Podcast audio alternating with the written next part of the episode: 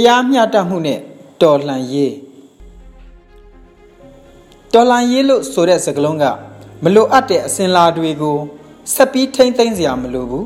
အစဉ်လာရဥပဒေရသတ်မှတ်ထားတဲ့စံတွေယူဆချက်တွေလို့ဆိုတိုင်းပုံသေးမှတ်ယူပြီးမလိုက်နာတော့ဘူးဆိုတဲ့သဘောမျိုးတိတ်ပဲတက်ရောက်ပြီးလက်ရှိကျင့်သုံးနေတဲ့နိုင်ငံရေးစနစ်တစ်ရပ်ကနေဒီထက်ပိုပြီးကောင်းမွန်တဲ့အများစုလိုလားတဲ့စနစ်တစ်ရပ်ကိုပြောင်းလဲကျင့်သုံးဖို့အတွက် တည်ရှိနေစေမူပေါင်းတွေဥပဒေတွေသဘောတူညီမှုတွေကိုချိုးဖျက်ပြီးပုံမူကောင်းမွန်တဲ့ခေတ်ချီနေနဲ့ပြောင်းလဲသွားတဲ့နောက်ခံအခြေအနေနဲ့ပုံမူကိုက်ညီတယ်လို့ယူဆတဲ့နိုင်ငံရေးလူမှုရေးစနစ်တရက်ကိုမြန်ဆန်စွာပြောင်းလဲဖို့အင်အားနဲ့ကူးပြောင်းဖို့လှုံ့ဆော်ကြတာလို့အတိတ်ပဲဖွင့်မယ်ဆိုရလိမ့်မယ်ထင်ပါတယ်တော်လန်ရေးတိုင်းလက်နဲ့ကင်တဲ့ဆိုတာမျိုးပုံဒီကားကြတတ်မှတ်လို့တော့မရပါဘူးပရိသရစ်စနစ်နဲ့ အသွင်ပြင်အစင်လာတွေကြန့်ရှိနေသေးတဲ့နိုင်ငံလက်နက်ကိုအားကိုးပြီးအုပ်ချုပ်တဲ့စစ်ဘရင်ဘရင်လို့ခေါ်တာဘရင်စနစ်ထက်စစ်ကောင်းဆောင်လူပုတ်ကိုကိုပင်မထားပြီးအာဏာကိုချုပ်ကင်သုံးချတာမျိုးတွေကြီးစိုးတဲ့တမိုင်းနောက်ခံအခြေအနေတွေမှာလက်နက်ကင်ပြီးလက်ရှိအာဏာကိုဖယ်ရှားဖို့စ조사ကြတာမို့လက်နက်ကင်တော်လန်ရေးလို့ခေါ်ဝေါ်သတ်မှတ်ကြတာတွေ့ရပါတယ်မြန်မာနိုင်ငံကလက်နက်ကင်တော်လန်ရေးက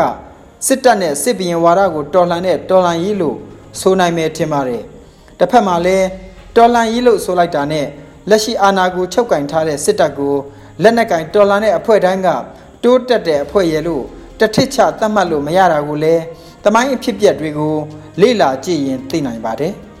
ကိုယ့်ရဲ့လွတ်လပ်ခွင့်တရားမျှတမှုရရှိဖို့လက်နက်ကင်တိုက်ခိုက်တဲ့အဖွဲ့တွေက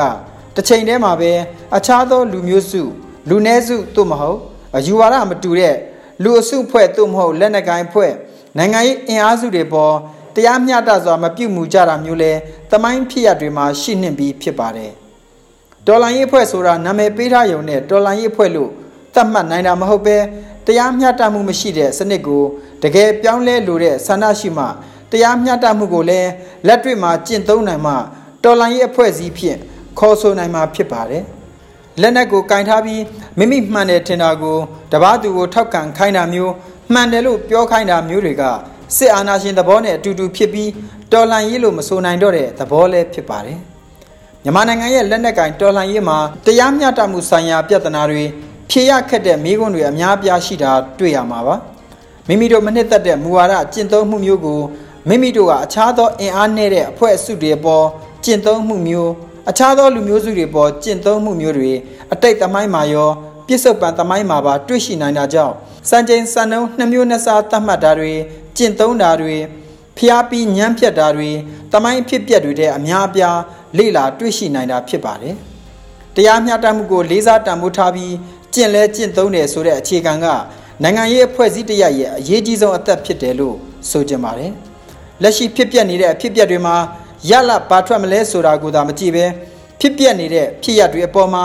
တရားမျှတမှုဆိုတဲ့အခြေခံကရပ်တည်ပြီး ကန့်ကွက်တာထောက်ခံတာတွေလုပ်ဖို့အရေးကြီးဆုံးအသက်လို့ဆိုကျင်ပါတော့တယ်ခင်ဗျာ